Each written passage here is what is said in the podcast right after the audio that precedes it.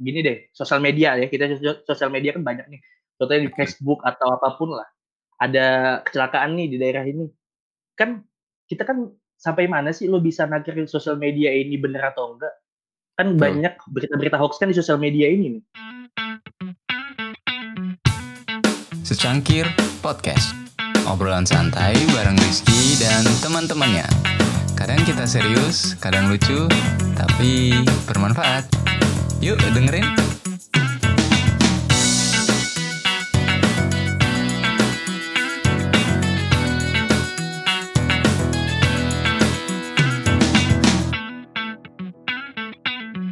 Cek, cek, cek, cek, cek Halo pendengar secangkir podcast atau yang biasa kita panggil sekpot. Selamat pagi, selamat siang, sore, atau selamat malam. Pokoknya selamat apa aja buat kalian pendengar setia podcast secangkir podcast ini. Nah, uh, hari ini kita akan bahas tentang topik yang lumayan berat ini kalau menurut gua. Jadi tentang jurnalistik topiknya. Uh, nanti kita akan bahas tentang hitam dan putih jadi seorang reporter gitu, jadi seorang wartawan. Oke, um, sedikit pro profilnya. Jadi namanya Nur Imam Satria. Masnya ini mas-mas ganteng banget fotonya ini udah kayak foto-foto di Instagram gitu kayaknya. Di keren banget. Nah beliau ini udah lama jadi reporter. Gue juga udah jarang banget ketemu dia kalau nggak salah udah lebih dari 4 sampai 5 tahun gitu. Ah, nah, gimana kalau kita langsung ajak aja Mas Imam ini untuk ngobrol di Secangkir Podcast episode 17. Halo, Yo, Mas Imam. Sekpot. Yoi, Yoi. Sekpot. Jadi uh, Sekpot itu ya itu singkatan dari Secangkir Podcast. Pendengarnya kita panggil biasanya Sekpot gitu. Dan Wow. selamat datang di podcast kita. Jadi Thank ini you. obrolan santai, enggak Siap. ya kadang lucu, kadang serius, tapi semoga kita punya manfaat nih. Tuh. Itu cakep tuh. Sip, sip. Siap. Untuk Rizky Rizkiansa. eh, topinya bagus banget nih. Kayak gue pengen beli itu topi-topi kayak gini. Itu demokrat ya atau apa topinya? Partai banget gitu ya kayaknya. gue di endorse sih, makanya gue pakai. Oke mantap, di endorse gitu. Ya ya. Nanti semoga uh, secangkir podcast bisa endorse Mas Imam inilah ya. Tunggu, gue tunggu. Uh, Gimana, gimana? kayaknya biar lebih enak nih pendengar secangkir podcast nih tahu tentang lu tuh dari diri lu gimana sih gitu overview singkat profil lu gimana gue manggilnya Mas Om apa gimana nih manggilnya Panggil ini aja panggil nama tuh. oh panggil nama oke Panggil nama aja Imam atau apa kek. oke oke Mas Imam Asal jangan bangsat. apa Bangsat Ria jangan. Ya. Oh iya bangsat Ria Iya. bangsat betul betul betul nah co coba dong kenalin Hmm. dulu ke teman-teman sekpot kita Oke. Oke, hello. Gua ya Nur Imam Satria. Gua udah berapa lama ya jadi reporter ya? 17, 18, 18, 19, 2 tahunan lah gua udah jadi reporter, ngejalanin hidup sebagai seorang pewarta di salah satu media mainstream di kota Pontianak, tepatnya di Kalimantan Barat, provinsi Kalimantan Barat sih. Ya. Oke, nah ini gue penasaran sebenarnya kenapa lu bisa bisa terjun ke dunia jurnalistik ini? Padahal setahu gue lu dulu kuliahnya bukan jurnalistik kan gitu ya? Uh, ini Kenapa lu bisa pertanyaan. tertarik ke situ? Oh ini menarik sih Tok, menarik banget nih. Eh Iya. Apa ya? Pertama kalau dibilang kalau dibilang kejebak sih, gue ceritain ya, nggak apa ya? Ya. Hmm, kalau dibilang kejebak sih enggak, karena eh, basicnya seorang jurnalis kan nulis ya, dan Iya. nulis itu sebelumnya sebelum gue di kuliah di pajak juga emang gue senang nulis sih dari dulu nulis-nulis macam-macam lah apa yang gue tulis bahkan ketika gue kuliah juga gue sering nulis walaupun mata Iya. kuliahnya keuangan akuntansi nggak jelas gitu nah terus tiba-tiba pas gue balik gue tadinya tuh masih di Jakarta tuh Tok. masih gue Iya. masih lagi lamar sebagai seorang karyawan pajak di satu perusahaan bukan gitu deh akhirnya gue niatnya balik ke Pontianak bentar cuma seminggu cuma bawa tas doang akhirnya. Pas gue balik kayaknya suasananya kayaknya pengennya gue stay nih di Pontianak gitu sih. Pas sampai stay di Pontianak gue lihat pekerjaannya kayaknya ada yang nawarin nih jadi jurnalis. Kayaknya seru nih kayaknya seru. Ya tadi gue bilangnya biasanya nulis kan. Iya. yaudah akhirnya gue coba gue coba taunya eh taunya keterima juga emang bener pas gue interview segala macam basicnya nulis. Ya udah karena gue udah basicnya nulis ya gue seneng nulis mudah deh jadinya buat gue sih itu sih awalnya. Jadi ya udah ketika balik itu emang kecantol kan wah suka juga senang juga nih ya gitu nulis apa tuh? gitu. oh iya parah apalagi pas gue udah masuk mencoba beberapa hari kerja. Wah ini asik sih menurut gue dan ini ini sih sebenarnya gue ini bukan pajak sih sebenarnya gue sadar pas gue play pajak nggak bukan gue itu sebenarnya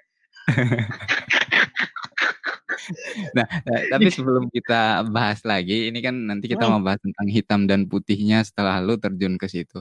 Tapi lu Siap dulu siap. ada nggak sih cita-cita gitu, punya cita-cita emang terjun ke situ gitu, jurnalistik gitu?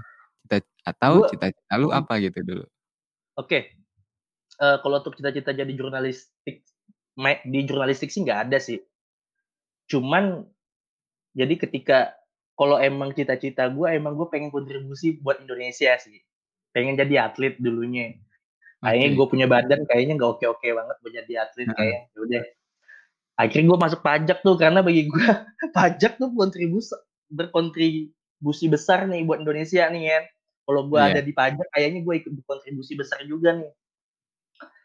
Taunya nggak semenarik yang gue pikirin ketika kuliah semester 4, semester 5.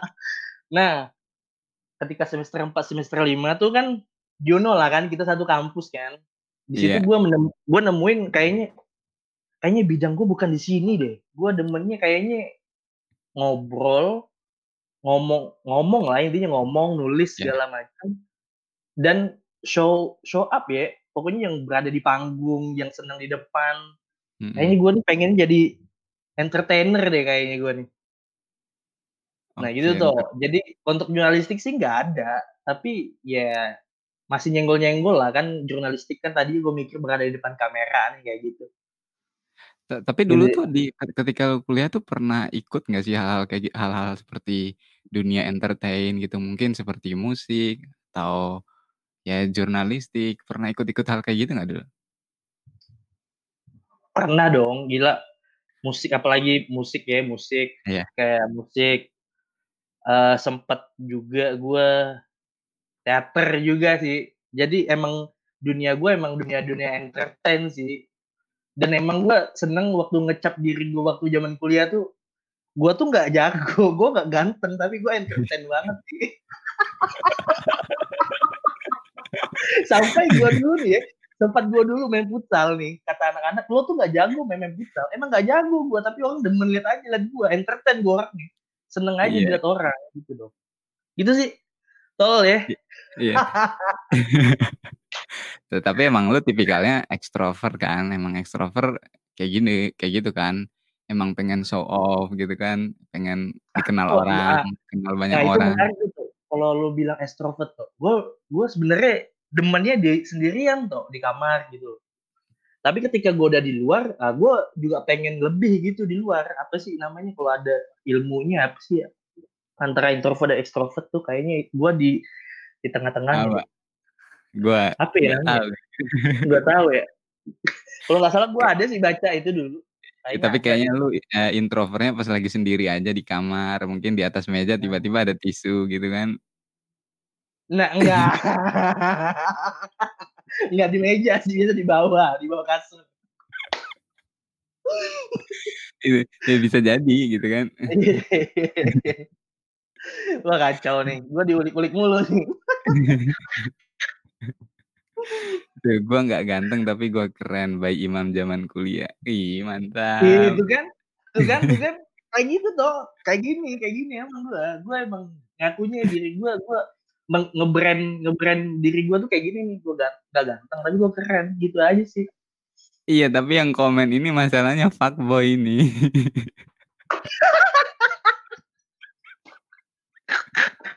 Oh, dia mah dia mah fuckboy banget sih. Setahu gue dia Iya. fuckboy banget. Iya, Dia bener sih gitu. Oke, eee, kita ngob Halo. mulai ngobrol soal ini. Eh, gue sambil ngerokok boleh tuh ya? Boleh boleh, silakan kita Boleh? Oh, di sini. Cakep nih. Podcast-nya nih beneran. Udah gue subscribe sih. Gimana Oke. gimana, Dok? Ngomongin soal jurnalistik nih kan, lu kan wartawan, Siap. otomatis lu jadi orang yang pertama tahu tentang peristiwa-peristiwa di sekitar lu kan, gitu kan? Iya, bisa dibilang kayak gitu. Otomatis di misal di Pontianak itu pasti yang pertama tahu ada kejadian A, ada kejadian B. Itu komunikasinya gimana sih biasanya antar, eee, tim-tim jurnalisnya itu? Nah, ini.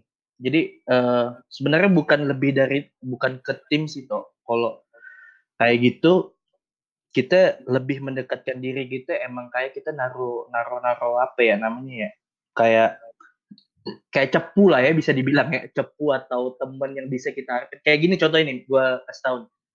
Eee, misalkan kita di suatu tempat yang kita kayaknya susah deh kalau mau dijangkau daerah sini kalau ada informasi-informasi apa pun. Jadi, Betul. Gue lebih mendekatkan diri, contohnya kayak ada warung atau penjual es tebu yang emang bener-bener setiap harinya di situ kan. Gua beli kan, gua beli, gua ngobrol, cara gua deketin diri dia lah, dengan dia pokoknya. Ya udah gue tukeran nomor dengan dengan alasan gua, "Bang, kalau ada apa-apa gua bantu deh, entar lu promosiin, gua bantuin naikin ke media dan segala macem. Jadi, Iya. kalau ada informasi di sekitar sini entar lu kabarin gua aja, Bang, entar gua iniin deh." Gitu aja sih. Jadi setiap setiap pos-pos daerah-daerah tuh gua simpen kayak gitu sih, Tok. Enggak nggak sih? Iya kan? Oke. Jadi Mhm, ketika informasi dia ngasih tahu nih. "Bang, Bang," gitu, "ada ada ada kecelakaan nih." "Eh, serius lu? Di mana?" "Nggak jauh di tempat gua." "Ya udah ya udah ya udah, kalau bisa lu fotoin dulu dong bentar sampai gua nyampe di situ." Gitu sih. Oke. Me menarik juga ya, Nah. itu networking kan gitu kan awalnya. Networking, yoi. Tapi pernah nggak gitu kejadian lu ya ini ngebahas yang hitamnya gitu, ada orang yang memanfaatkan lu sebagai seorang reporter gitu di situ gitu. Misal lu dikasih tahu misal ada kabar bohong gitu dan lain sebagainya, pernah nggak ngalamin hal kayak gitu? Oh, enggak sih, maksudnya kalau kabar bohong, eee, gua gua kan pasti kan gua kerja gua kasih tahu dulu nih, wartawan gua kerjaannya kan ada kode etiknya, Tok. Iya, betul. Jadi, eee, kode-kode kode-kode etik itulah yang pasti yang gua pegang ketika gua lagi bertugas. Jadi ketika ada ada orang yang mencoba memanfaatkan untuk mengasih berita bohong, otomatis kan gua filter dulu dong, itu seperti apa sih beritanya, eee, ke ke ketajamannya kayak gimana sih, yang yang ini bener-bener nggak sih? Ya udah bakal gua ulik sih pasti dan dan jarang juga sih gua nemuin yang kayak gitu pasti.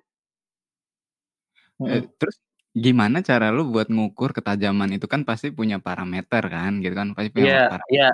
Berita Mmm. ini gimana, pasti punya level-levelnya. Nah itu cara lu nentuin Oke. Oke. Jadi contohnya kayak gini, Tok. Misalkan ada misalkan ada informasi nih ke gua, gua Iya. lihat ada ada pelac gini deh, sosial media ya, kita sosial media kan banyak nih, contohnya di. Facebook atau apa pun lah, ada kecelakaan nih di daerah ini. Kan kita kan sampai mana sih lu bisa nakerin sosial media ini bener atau enggak, kan Betul. banyak berita-berita hoaks kan di sosial media ini nih. Mhm. Nah, itulah tugas kita sebagai media mainstream, gua untuk memastikan kejadian tersebut. Ya gua dateng dong untuk memastikan itu. Oke, misalkan kejadian itu udah selesai, otomatis gua nggak tahu dong, yang pertama yang untuk mengukur ketajaman itu yang pasti, ya gua harus cek di sekitar itu. Entah itu mamang bakso kek yang dekat situ, entah itu ada warga kek di situ, gua tanya dong, "Mbak, Pak, Mas," segala macem, "bener nggak tadi sekitar pukul bla bla bla bla ada kecelakaan di sini?" "Ada, Bang." "Oh gitu, emang antara laporan apa, antara ini?" "Oh udah bener nih, emang kejadiannya sekitar jam berapa, Pak?" "Gini gini gini." "Korbannya terus dibawa ke mana?" Misalkan. "Oh korbannya dibawa ke rumah sakit ini, Bang." Gua samperin ke rumah sakit situ, gua samperin ke rumah sakit itu, gua pastiin, eee, "Maaf Mbak Suster," segala macem lah, "ada tadi ada yang ada korban kecelakaan nggak? Gini gini." "Ada Mas, ya gini gini gini." Udah itu jadi bahan gua udah. Itu udah fix, bagus, jelas kan, warga dapet, saksi mata pertama kejadian, gua udah mastiin ke rumah sakit, apalagi cakepnya gua bisa ngelihat tuh korban lagi tepar tuh di infus misalnya kan. Itu lebih cakep, gitu. Kan udah jel jelas tuh kayak gitu. Paham ya? Ya, ta tapi gimana perasaan lu ketika lu lu otomatis sebagai seorang, eee, reporter, lu di masyarakat itu punya privilege khusus sebenarnya gitu, lu punya pintu ke mana aja gitu. Lu yang eee, lu yang paling diutamakan ketika ada peristiwa-peristiwa tertentu gitu. Nah, Iya itu iya rasanya iya. gimana sih? Pernah nggak sih lu nyalahgunain hal-hal kayak gitu?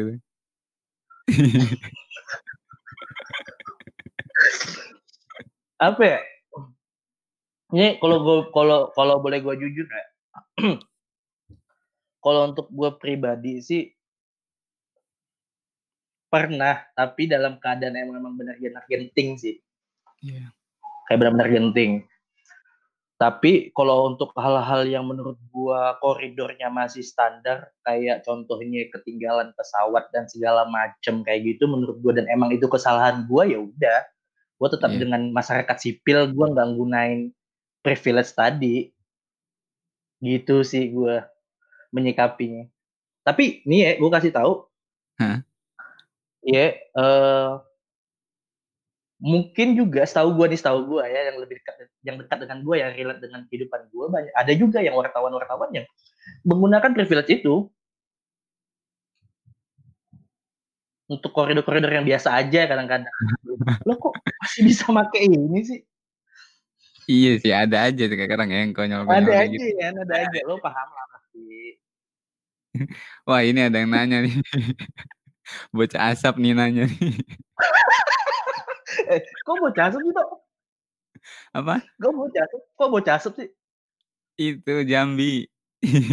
Oh, Asep. Berita apa yang oh, bukan. Berita apa yang paling heboh atau hot yang didapat selama jadi jurnalis, Bang? Idih, ya apa tuh? Waduh. Nggak ada yang heboh, nggak ada yang ini sih, eee, tapi ada yang menarik sih, menarik menarik tuh banyak, yang menarik banyak. Menarik tuh bagi gua menarik tuh ketika lo ngikutin kasus itu. Tok, Mhm. kayak contohnya, gua pernah gua pernah dapat kabar korban tuh mayat ya, meninggal. Iya. Di sungai. Oh. Itu kan kita nggak tahu tuh, ini korbannya meninggalnya kenapa. Iya. Nah, akhirnya gua samperin lah ke kamar mayat kan. Ah, gua takut banget cuy sama mayat cuy, sama darah tuh gua takut, jujur-jujur aja nih kita nih ya di sini ya. Iya iya. Ya, jadi sampai Iya. jadi jadi gua bilang kayak gini nih, sama sama dokter visumnya ini. "Dok," gua bilangin, "udah kelar belum?" Maksudnya dia habis kayak ngejahit segala macem lah ya mayatnya. Mhm. Wah, gua takut banget cuy. Nah, kayak gitu tuh, itu menarik sih bagi gua. Gua ikutin gua ikutin, taunya dia ternyata korban bunuh diri, gitu aja sih. Akhirnya gua ikutin, ketemu keluarganya, ketemu ini, ketemu ini, ketemu ini. Walaupun waktu ketemu gua keluarganya, ya siapa sih yang senang ketika lagi ada duka dan gua bertanya-tanya dengan Betul. kejadiannya kan. Mmm, Mmm. gua kan kode etik gua juga gitu sih, gua tetap mengasih apa sih, ruang buat mereka kalau emang mau ngasih jawaban, ya udah nggak apa-apa. Dia kalau coba cari sendiri, gua di luar ngikutin kejadiannya seperti apa. Gitu sih, itu menarik banget sih kayak gitu-gitu. Sampai 3 hari baru tahu, oh dia ternyata korban bunuh diri, gitu. Iya benar. Tapi dal eee, ketika hal-hal kayak gitu tuh, lo tuh komunikasinya gimana? Apakah dengan misal aparat juga ada nggak sih komunikasinya gitu dengan Sangat aparat lah, aparat kepolisian apa gitu? malah dengan aparat yang kita termasuk paling dekat sih, kita dengan aparat termasuk paling dekat kok. Termasuk paling dekat. Mereka juga mau ngasih informasi kok. Iya pasti sih ya. Mhm, saling tukar informasi lah ketika kita dapat, kita kasih informasi. Itu sih. Oke. Nah, lu lu, eee, sebagai wartawan kan otomatis lu pernah wawancarai orang dari dari wong cilik atau sampai pejabat negara gitu, pejabat, pejabat betul. publik kan gitu kan. Nah, eee, yang paling konyol lu wawancara itu Waduh. kapan sih, pernah nggak sih? Yang paling konyol misal ada satu peristiwa, mungkin peristiwa korupsi atau apa gitu, ada nggak? Nggak usah nyebutin nama gitu, tapi ada nggak Iya kejadian? iya. Kejadian gitu ya? Yang konyol yang konyol. Yang konyol sih nggak ada sih sepengetahuan gue yang konyol. Mungkin lebih konyol sih. Nggak ada kalau tempat pejabat publik konyol jawabannya. Kalau pejabat publik konyol jawabannya itu biasa lah ya.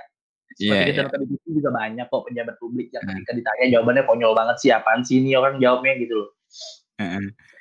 Yang konyol sih nggak ada, cuman palingan yang kalau masyarakat yang bawah-bawah aja. Ketika misalkan, eee, ketika gua ngeliput misalkan ada terjadi pembunuhan dan segala macem, mereka Mmm. bukan malah ketika melihat seorang wartawan, mereka bukan malah mencoba untuk ini, mereka malah seneng gitu, "Weh, ada wartawan, Enggak, gue nggak mau ngeliput lo euforia gitu, enggak. Gitu sih Tapi yang ada konyol. ya, konyol ya. Konyol konyol konyol tuh tetep ada sih, itu konyol tetap ada. Mereka kan kayak kayak apa ya, kalau ngelihat seorang wartawan nih, masih melihatnya kayak ini, gue bakal kalau masuk dengan wartawan nih, gue kalau ngomong gue bakal jadi viral nih, gue bakal terkenal sih, mikirnya kayak gitu kali kan pasti kan. Padahal gue dateng kan bodo amat sama lu, gue mau nyari yang lain, gitu. Iya gitu.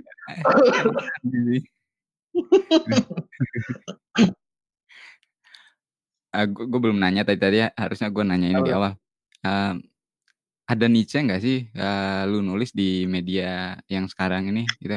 Misal topik lu topik khusus tentang kriminal, atau tentang ekonomi, atau mhm. tentang keuangan gitu? Iya, Atau lu nulis ada secara general? Ada apa? Ah, ni niche-nya niche Spesifiknya? heeh, spesifik gitu, ada nggak? Nah, Jadi dulu waktu gua tentang kriminal, iya iya iya, paham paham.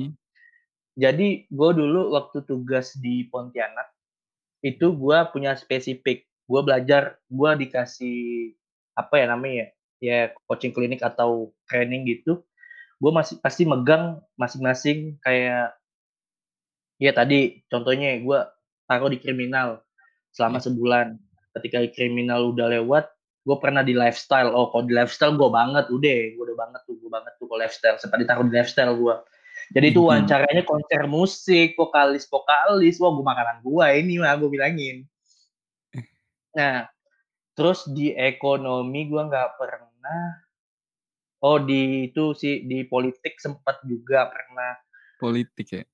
Politik, wah semua Tok. Jadi pokoknya pas di Pontianak, gue semuanya harus mencoba semuanya. Jadi ketika gue sekarang kan bukan di Pontianak, gue di kabupatennya di Kalimantan Barat, oke? Iya.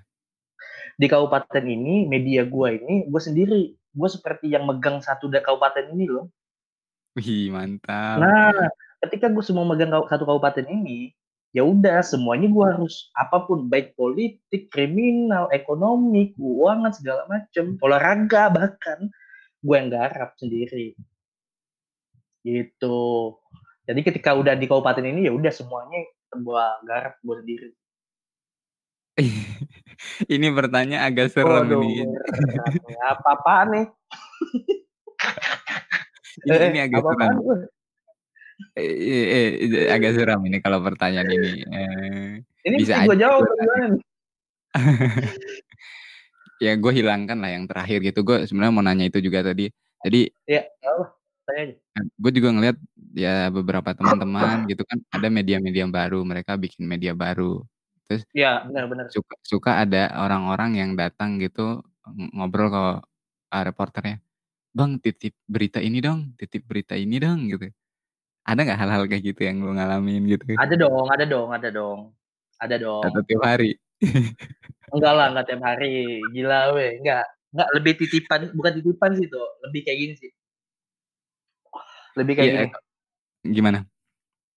Lebih kayak, "Bang, eee" contohnya gini deh, "Bang, eee, kita kemarin di sana tuh ada ada ada sesuatu yang perlu diangkat lah, karena mungkin pemerintah nggak lihat. Tolonglah Bang Iya. main ke sana, siapa tahu Abang ke sana Abang bisa lihat, di sana tuh ada seperti ini seperti ini seperti ini, siapa tahu Abang angkat dan jadi bisa menjadi perhatian pemerintah, dan akhirnya jadi" "pemerintah tahu keadaan di sana." Mungkin seperti itu sih titipannya, kalau bisa jawab tadi pertanyaan Pandu.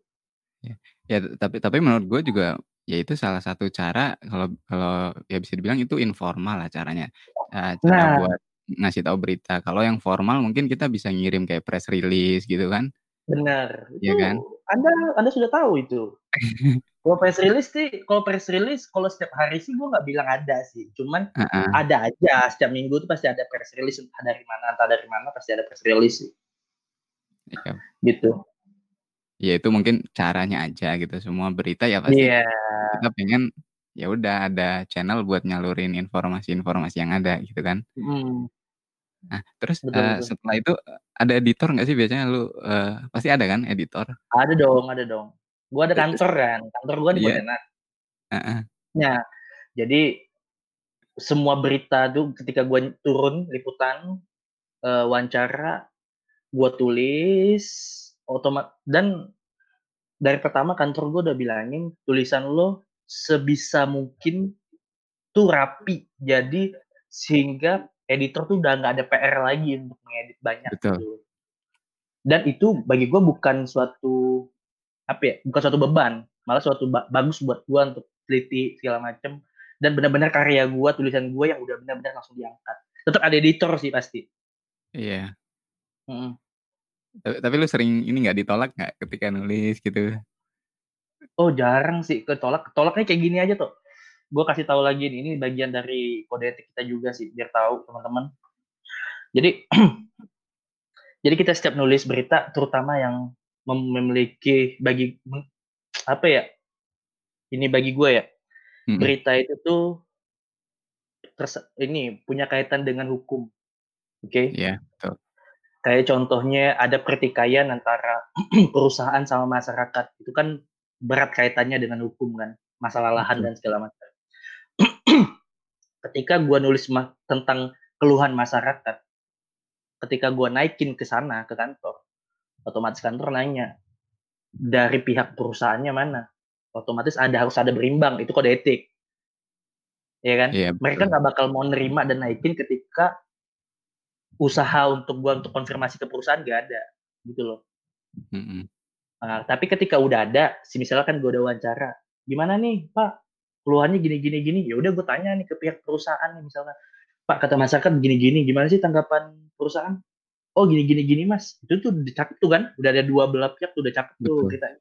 Itu biar bisa gua naikin, terus ditambah tinggal ditambah soal akademisi kalau emang bener-bener butuh soal akademisi untuk mecahin suatu kesimpulan itu atau dari pemerintah daerah sendiri.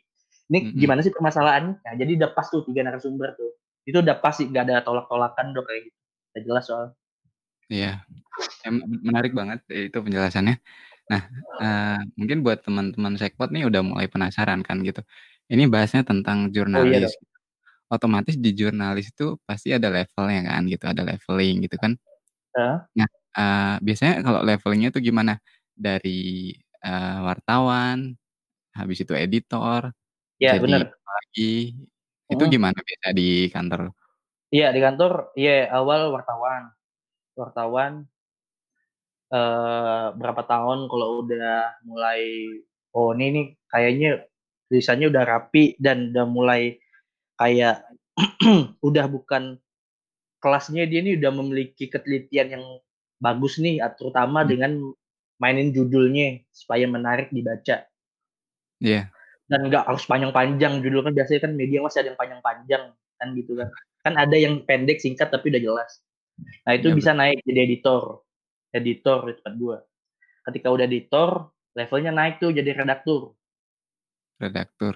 Redaktur redaktur tuh kalau di tempat gu tempat gua karena gua media mainstream cetak juga, jadi ya main Iya. dia apa ya, untuk naikin cetak, koran koran. Iya. Mmm, setelah redaktur ada manajer sih, manajer liputan manajer ya medi yang online sama yang media yang cetak. Di atasnya ya udah pemimpin redaksi, pemret. Heeh, iya. Eee, dari lu sendiri pasti pengen lah punya jenjang karir kan gitu. Apa apa lu rencananya mau tetap di sini, ngikutin jenjang karir itu atau mungkin setelah ini lu bikin pontianaknews.com atau apa Iya gitu? iya.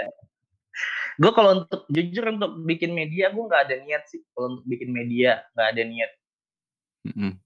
Heeh, kalau untuk mencoba naik karir juga gue pengen coba, tapi nggak nggak menggebu-gebu sih niat gua untuk ke situ.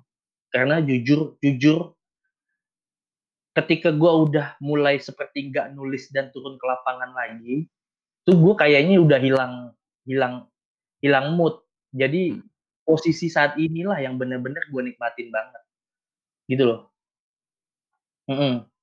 Jadi kalau Yes. untuk naik untuk naik ada, cuman kan ya siapa sih yang nggak mau lebih berkembang lagi kan. Iya, betul. Cuman untuk ngejalaninnya itu loh Tok, maksud gue, yang Mhm. kayaknya aduh kayaknya di kantor ngadep komputer kayaknya aduh gue belum ini deh kayaknya. Iya, gue masih gue masih demen ke jalan ngobrol sama orang, nulis, udah sih, itu sih masih gue nikmatin banget. Iya, la langsung turun gitu kan gitu kan, enak banget Iya, kan. ketemu kati tadi kata lo dari dari dari paling bawah sampai pejabat tuh yang udah gue rasain sih, itu enak banget sih. Iya, itu seru banget sih. Parah. Oke. Oke, sebelum gue masuk ke pertanyaan-pertanyaan pribadi mungkin Oke, siap siap siap siap. Oke. Wah, gua gua seru banget Eh, sih. 2 jam boleh nggak sih?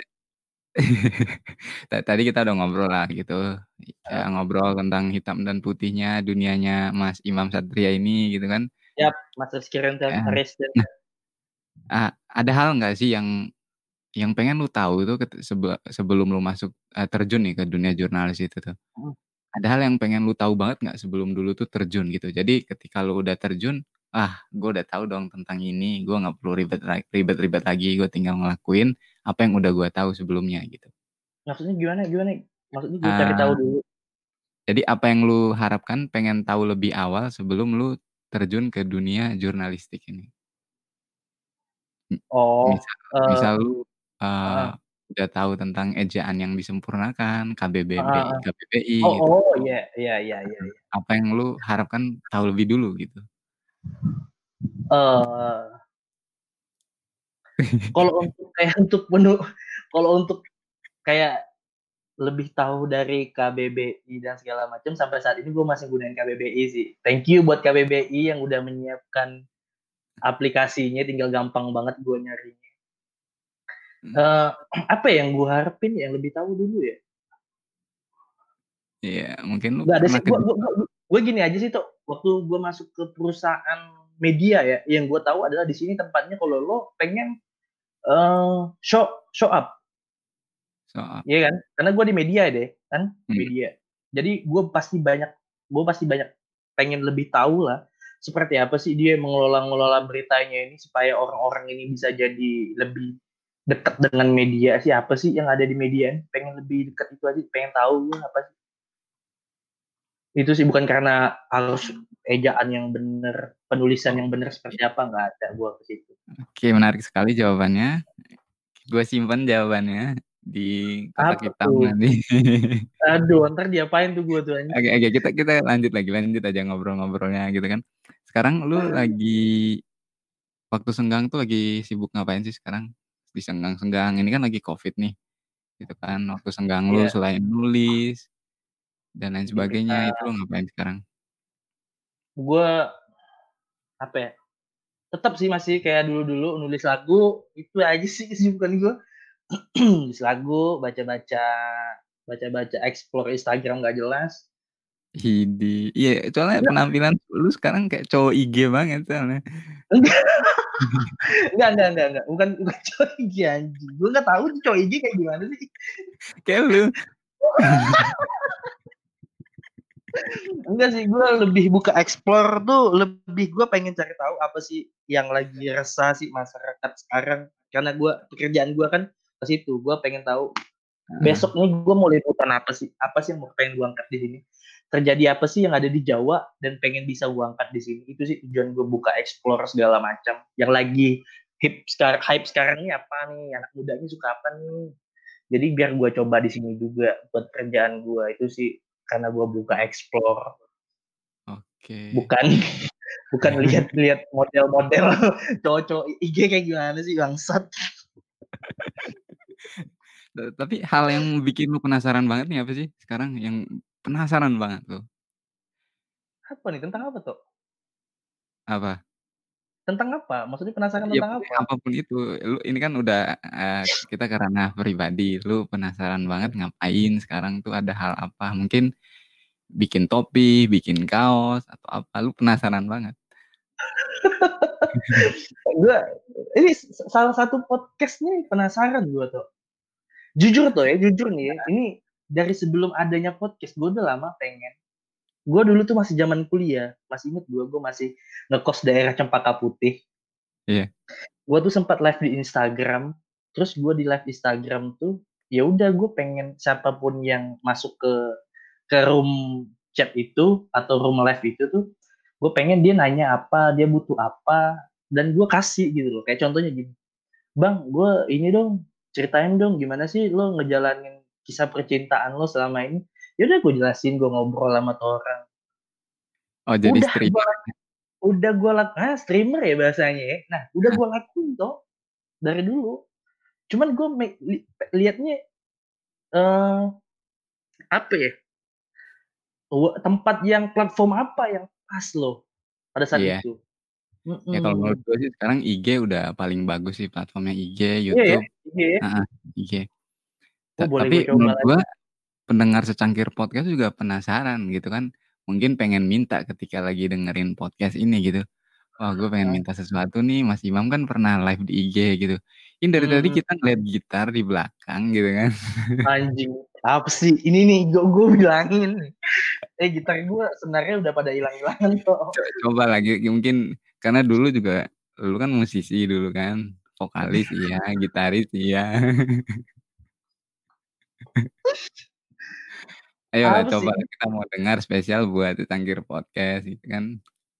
Apa apa apa apa? Kayak satu lagu mungkin dari gitarnya yang di belakang. Loh itu gitar gue udah mulai ini toh, udah mulai keropos.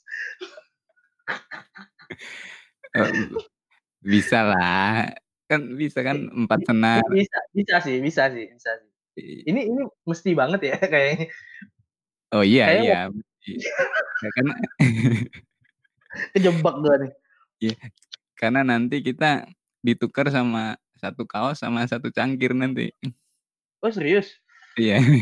Oh gila gokil nih. Gokil gokil gokil. Aduh. kapan nih kita coba nih? Apa? Sekarang sekarang? Oh iya sekarang dong, masa tahun depan? Aduh. Bentar ya. Minum dulu minum dulu, Mas.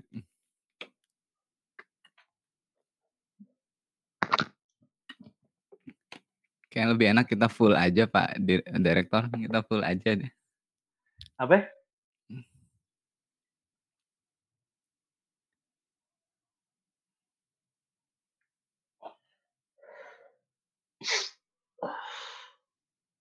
Ya kita full aja ya. Full aduh full lagi.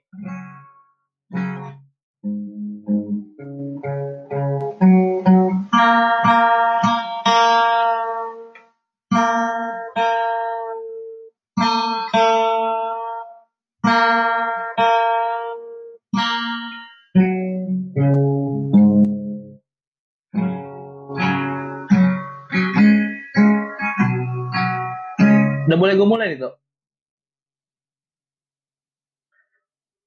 Kenapa sorry? Lagunya bebas Didi Kempot.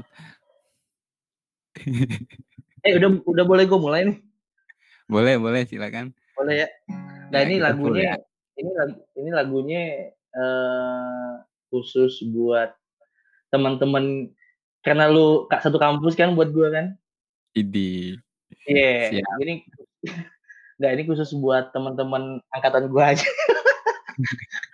Kayaknya pada tahu nih lagu ini nih. Jadi ini sering Iya iya, yang rindu. Bukan bukan bukan. Jadi pokoknya lagu ini sering gue mainin sama teman-teman gue pada saat itu, salah satunya dia ada galau tuh. Jadi dia untuk nyanyiin ini buat ceweknya kita nyanyi bareng-bareng. Oke? Ih, mantap. Band Bekasi sih, band Bekasi nih, Indonesia. I itu ada yang komen tuh. Bawain diri ke Wah jangan jangan Nah, Hario, Hario ada Hario, ada tahu nih lagu ini nih. Pasti.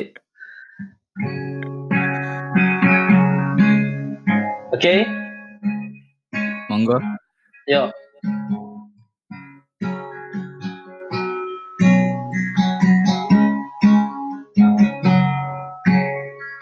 Di pagi yang cerah ini Ku menanti indahnya mentari Mewarnai hari ini Mewarnai hari ini Yang terluka karena dirimu. Biarkan diriku begini Tetapi ku tetap bahagia.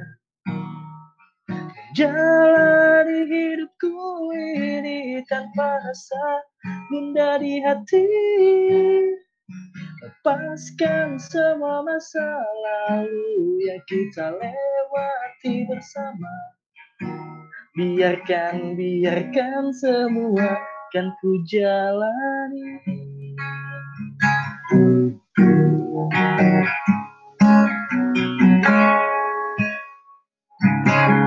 Nah itu doang tuh cukup.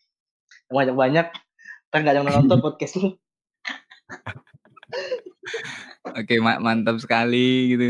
Jadi semoga semoga bisa jadi musisi keren lah gitu setelah jadi eh, reporter ini. Soalnya suaranya bagus banget.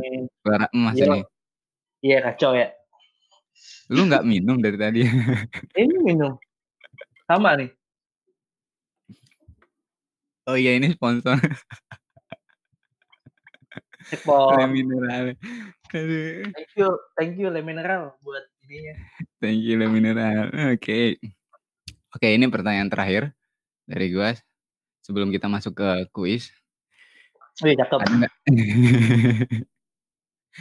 Eh, ada nggak hal yang belum gua tanyakan, tapi harusnya gua tanyain nih di podcast ini? Wah, gila loh.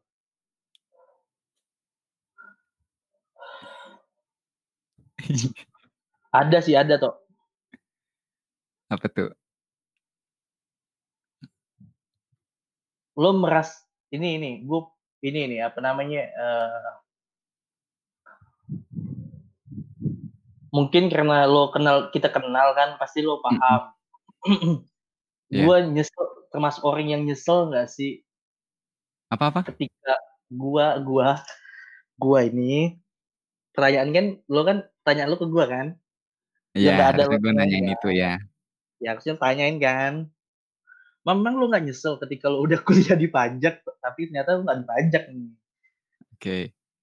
iya kan Ya. itu tuh pengen Kak, pengen gua jawab tuh kalau nanya taunya lo nggak nanya Oke. Jawabannya?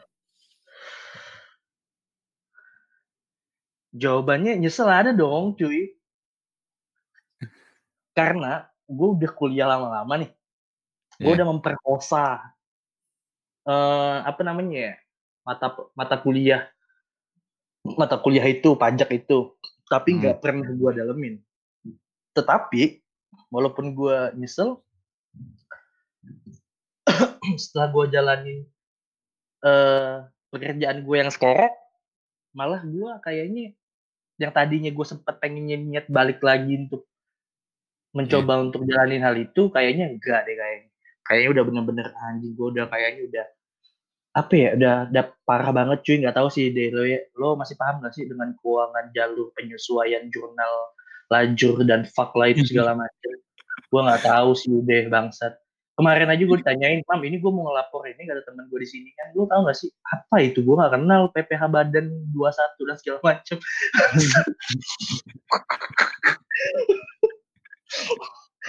tapi gue boleh nanya gak sih? Lo lo masih inget gak sih tok? Lo lulus eh, lo lulus gak sih tok sebenarnya? Oh, gua. Lo gua satu-satunya yang enggak lu. Tri lulus loh. eh gue belum. Iya dia lulus cuy. Dia lulus dia lulus. Dia lulus. Gue sempet eh gue gue sempet gue sempet ngucapin dia Tri selamat ya gue bilangin ya selamat ya. Udah bisa nyelesain walaupun lama. Iya makasih bang kata dia anjir tapi gue nggak ada ngeliat lu pakai toga cuy lu kayaknya sama kayak sama kayak angkatan gua lu Sitian lu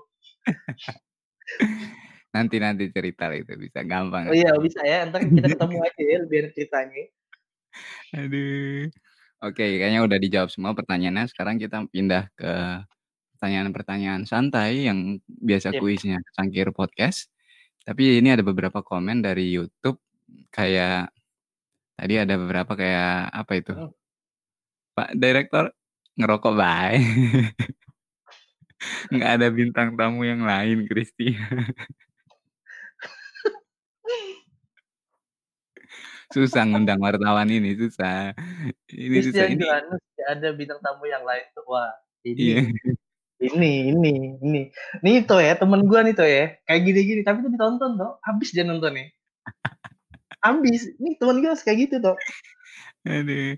Iya, habis itu dicengin kan? Iya, dicengin pasti sih kalau dicengin.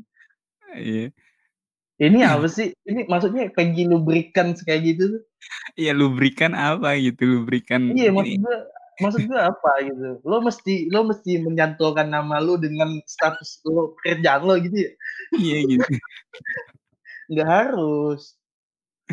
Aduh, tapi tapi ada lagi nih terakhir nih, komen terakhir nih kayaknya ada cewek nih. Ih, Mas Imam Wah. kasih tahu dong hal apa yang paling berkesan selama jadi wartawan? Ya. Waduh, berat nih pertanyaannya. Dari orang yang berat juga kayaknya. Iya, dari orang yang berat nih, Sabrina Purnamasari. Apa ya, hal yang paling berkesan selama jadi wartawan sejauh ini? Oke, eee, hal yang paling berkesan buat gua adalah mmm pertama tuh orangnya pertama tuh orangnya nggak pedulian tuh. Gua nggak peduli banget apa yang terjadi dengan sekeliling gua. Gua nggak nggak nggak malah malah bisa dibilang sampai nggak respon sedikit pun gua dengan apa yang terjadi Hmm. di sekitar gua. Gua tuh orangnya cuek banget. Oke. Oke. Nah, dengan selama gua jadi wartawan ini, yang berkesan buat gua adalah hal-hal kecil sedikit pun sampai saat ini, itu udah jadi harus udah gua cari tahu dan harus gua kepoin. Jadi gua lebih peka dengan lingkungan gua. Peka dan eee, itulah yang paling berkesan buat gua dan yang banyak sekali sih yang berkesan. Kayak contohnya, gua selama ini nggak demen banget sama politik, tapi gua demen banget mengkritik pemerintah. Ketika gua masuk ke dalam sini, gua lebih paham. Iya. Akhirnya, apa yang selama ini gua kritik, taunya emang ada kendala-kendala yang terjadi sebenarnya. Dan ketika gua lihat orang yang bawah kesusahan selama ini yang gua nggak tahu, oh ternyata dia susah, bisa jadi ah, karena ulah dia sendiri gitu loh. Mhm. Jadi hal-hal itu yang bikin gua berkesan, yang selama ini gua nggak peduli dan gua nggak tahu. Dan selama ini gua orangnya berpikir positif. Gua udah dibikin di pikiran negatif, dalam artian negatifnya udah nggak ada kata positif lagi bagi gua. Kayak kemarin ada teman gua nge-DM eee, "Mam, pi pikiran posi itu dong, positif aja jadi orang," kata dia. Oke, gua nggak bisa jadi positif lagi tuh, paham kan? Kayak gini nih, Hmm. kita ngantri nih, kita ngantri lama banget. Positifnya adalah, ya udah udahlah positif aja, paling emang lagi ada apa di situ. Tapi Iya. kalau kita jadi negatif, kita cari tahu dong, apa sih yang terjadi di sana, ada apa sih, gitu. Kita lebih kritis aja. Iya. Jadi gua udah nggak bisa jadi yang itu sih, yang yang baik-baik aja positif, nggak bisa udah gua. Dan itu sangat berkesan sih buat hidup Heeh. gua selama jadi wartawan. Ya berarti lu empatinya jadi lebih baik ya? Empatinya lebih baik gua. Hmm. Sangat.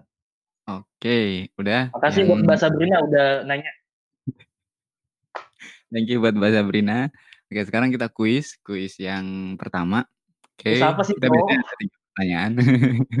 Gua curiga deh kalau apa-apa yang keluar dari mulut lu Iya, ini kuisnya kuisnya berhadiah kalau nggak kaos cangkir. Oke. Apa nih apa nih? Eee, pertanyaan pertama, gimana cara lu ngejelasin warna biru ke seseorang yang maaf, eee, buta? Dari lahir ya? Gila.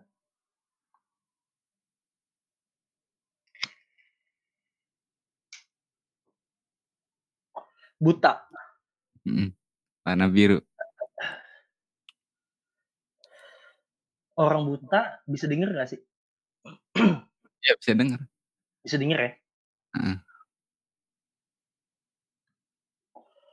Oke. Cara gua ngejelasin ke orang buta tentang Warna warna biru. biru. Oke. Oke, gue pakai pakai nama orang buta itu namanya uh, Wiba. kampret lah ya. Wiba, Wiba ya. Gue kasih nama Wiba ya. Ya. Mbak, merem deh kan? Iya emang kenapa ya tadi?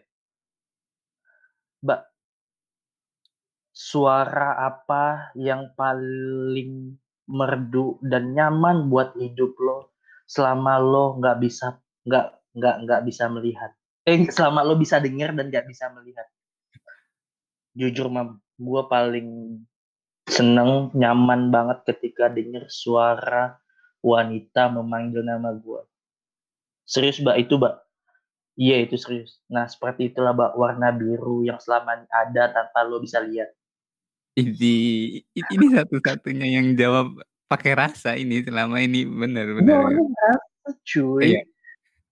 Emang Iya, cocok ya jadi wartawan ini. iya, iya, iya. Iya so soalnya gitu ada beberapa yang gue tanyain itu di di secangkir Oh. podcast itu kebingungan gitu. Padahal itu cuman ya udah Kok gimana kok rasa aja gitu kok kan. bingung kok bingung? Itu gampang kalo jelasin warna putih gue juga bisa ini jawabnya, beneran. Tapi sebenarnya jawaban yang kita pengen dari situ tuh simpel sebenarnya. Apa apa? Gimana tuh? Gue juga Secangkir nggak tahu. podcast. Oh fuck, iya ya. Gue Iya. yeah. biru loh tadi. Iya makanya kita kita pengennya oh jawabnya udah secangkir podcast karena kita warna biru gitu. ya itu pertanyaan menjebak gitu. Pertanyaan kedua ya.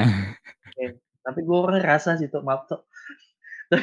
secangkir podcast sih emang si biru. Terus terus. Oke, ketika lu lagi ada di laut nih, lu di laut berdiri, lu ngelihat laut, apa yang lu rasain?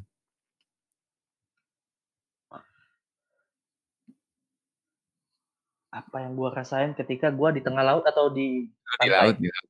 Ya, Di laut. pokoknya di di laut, lu ngelihat ke lautnya, lu berdiri di situ, apa yang lu rasain ketika itu? Rasain, bukan gue lihat. iya. Warna biru.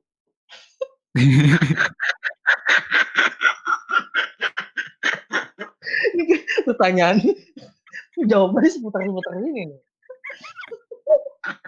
Gue lihat nih, gue rasain, gue lihat, gue lihat, gue rasain. Warna biru.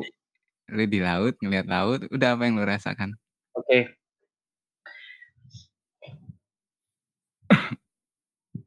Takut. Takut ya? Takut. Oke. Kita lanjut pertanyaannya sebelum gua kasih jawabannya. Hmm. Terus saat itu lu ngelihat burung nih, burung camar kan biasanya di laut tuh, burung camar di laut. Apa yang lu pikirkan?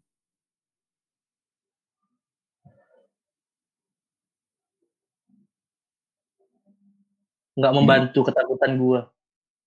Enggak ngebantu ketakutan lu? Iya, nggak membantu ketakutan gue. Ini gua udah kayak uya-kuya gue. Gue hipnotis ya. Gue tidur nggak? Bangun lagi, bangsat lu Toto. Ini apa sih? Aku cari di Aduh. Googling nih jawabannya. Jadi intinya yang pertanyaan kedua tadi itu itu ngegambarin sikap lu lah dalam hidup gitu. Berarti lu ketakutan nih orangnya ya? Gua nggak, gua gua ketakutan tuh dengan laut. Oh enggak ya, enggak. Oke. Gua, gua, gua ketakutan kayak ini loh. Pikiran gua tuh ada apa di dalam laut itu gua masih kayak gitu loh, paham kan? Hmm. Apa ada sesuatu yang besar yang bisa menggigit jari jempol gua, ngejilat-jilat jempol gua gitu. Terus? Terus kalau sambungannya sama yang lu pikirkan tadi, ya itu itu hubungannya sama perasaan lu kepada keluarga lu. Oh gitu. Kaitannya dengan yang pertama. Makin makin makin takut. Nggak nggak nggak ngerubah ketakutan gua ya. Anjir. Iya sih. Iya. Bener Iya nggak? sih, gua bener bener bener bener bener. Gua ketika gua takut, ketika gua pikir keluarga gua, gua gua karena karena gua mandiri kali ya, jadi nggak Iya. bisa gua ya gua mandiri ketika lihat keluarga gua itu tuh bukan suatu bukan suatu ini buat gua sih. Penolong gitu loh. Tetap Mhm. gua harus sendiri. Ketika gua takut, ya gua tetap takut. Gua bagaimana caranya gua, gua bisa menenangkan diri. Tapi cakep Oke. sih. Iya. Nah, pertanyaan gue udah habis, kuisnya juga udah habis gitu. Nah, buat Mas Imam gitu punya pesan gitu buat teman-teman secangkir podcast yang lagi dengarkan podcast ini. Mungkin mereka mau terjun ke dunia wartawan, jurna, dunia jurnalis ini. Itu gimana buat mereka biar bisa lebih gampang terjunnya. Jadi mereka udah tahu lebih awal hal-hal yang Oke, oke. harusnya dihindari dan harusnya mereka pelajari. Oke. Monggo. Oke, eh, buat teman-teman yang pengen ya pengen kalau buat terjun atau pengen lebih tahu seperti apa dunia jurnalistik, yang pasti yang pertama ya lo harus demen nulis sih. Karena ketika lo nggak lo nggak demen nulis, ya jangankan mau nulis, jangankan mau mau bikin suatu berita untuk memulai aja lo nggak mungkin bisa karena lo nggak bisa nulis dan nggak mau nulis gitu. Yang terpenting itu sih nulis. Terus Oke. eh yang kedua lo mesti aware banget dengan lingkungan lo yang tadi lo nggak bisa lo orang yang ketika bangun tidur keluar nggak peduli sama lingkungan lo lo nggak bisa lo harus Hmm. peduli banget dengan lingkungan lo lo harus peka dan satu sih intinya jangan pernah jangan kalau lo orangnya masih masih ada rasa tidak enak apa ya bahasa ini ya bahasa kerennya pokoknya kalau ketika masih merasa punya perasaan tidak enak mending jangan deh turun jurnalistik karena lo mesti lo benar-benar nggak punya berkepihakan cuy kecuali dengan masyarakat ya itu yang paling penting Oke. Mm-mm. masyarakat banyak tuh itu lo bo- boleh berpihak di situ Oke. karena ketika lo iya jadi ketika lo eh, masih rasa nggak enak takutnya lo yang ternyata yang ini lo teman lo atau segala macam jadi kan nggak bisa lo independen gitu Oke, mantap Itu banget. Eh, semoga Siap. itu eh, pesan dari Mas Nur Imam Satria ini bermanfaat buat teman-teman Sekpot. Sekali lagi eh, jangan lupa dengarkan kita terus di Spotify, Apple Podcast dan Google Podcast juga. Dan thank you banget buat Mas Nur Imam Satriani udah sempetin waktunya karena sibuk banget dari kemarin gue kontak-kontakin dengan tim Secangkir Podcast ini susah banget. Akhirnya Iya, sorry ya. Buat akhirnya punya waktu juga. Apa? juga buat direkturnya Stagger Podcast juga maaf banget kalau emang waktu ngubunginnya agak ini sibuk ya Iya. salam itu ya buat Mas Oh iya Bima nanti saya salamkan. Pokoknya thank you banget. Semoga podcast kita Sama-sama. hari ini walaupun lucu, walaupun kadang ya iseng kita, semoga itu bermanfaat buat pendengar Sekpot gitu. Oke, thank you banget. Bye. Yo, thank you. so sampai jumpa see you Terima kasih sudah mendengarkan Secangkir Podcast. Jangan lupa favorit kita di Anchor.fm dan berikan review di Apple Podcast. Dan follow kita di Spotify juga. Sampai jumpa di episode berikutnya. Bye.